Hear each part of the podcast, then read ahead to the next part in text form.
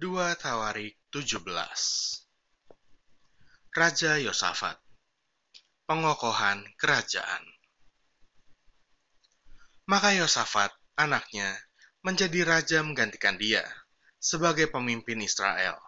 Ia memperkuat dirinya dengan menempatkan tentara di semua kota yang berkubu di Yehuda dan pasukan-pasukan pendudukan di tanah Yehuda serta di kota-kota Efraim yang direbut oleh Asa ayahnya. Dan Tuhan menyertai Yosafat, karena ia hidup mengikuti jejak yang dahulu dari Daud, bapa leluhurnya, dan tidak mencari Baal-Baal, melainkan mencari Allah ayahnya. Ia hidup menurut perintah-perintahnya, dan tidak berbuat seperti Israel. Oleh sebab itu, Tuhan mengokohkan kerajaan yang ada di bawah kekuasaannya.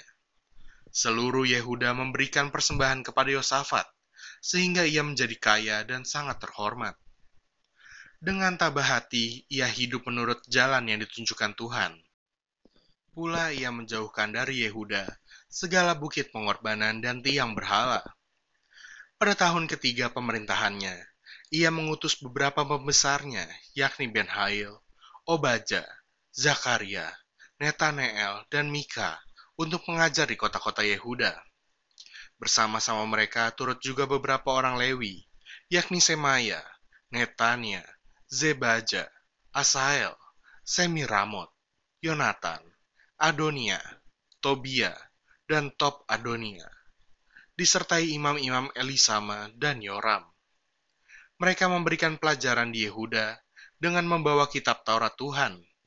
Mereka mengelilingi semua kota di Yehuda sambil mengajar rakyat. Ketakutan yang dari Tuhan menimpa semua kerajaan di negeri-negeri sekeliling Yehuda sehingga mereka tidak berani berperang melawan Yosafat. Dari antara orang-orang Filistin, ada yang membawa kepada Yosafat persembahan dan perak sebagai upeti. Juga orang-orang Arab membawa kepadanya kambing domba, domba jantan 7.700 ekor, dan kambing jantan 7.700 ekor. Yosafat makin lama makin kuat, menjadi luar biasa kuat. Di Yehuda, ia membangun benteng-benteng dan kota-kota perbekalan. Banyak perbekalannya di kota-kota Yehuda. Orang-orang perangnya ada di Yerusalem. Semuanya pahlawan yang gagah perkasa. Inilah daftar kesatuan mereka menurut puak-puak mereka. Panglima-panglima dari Yehuda ialah Panglima Atna dengan 300 ribu pahlawan yang gagah perkasa. Di samping dia, Panglima Yohanan dengan 280 ribu orang. Dan di samping dia Amasya bin Zikri, yang dengan sukarela telah menyerahkan dirinya kepada Tuhan, dengan 200 ribu pahlawan yang gagah perkasa.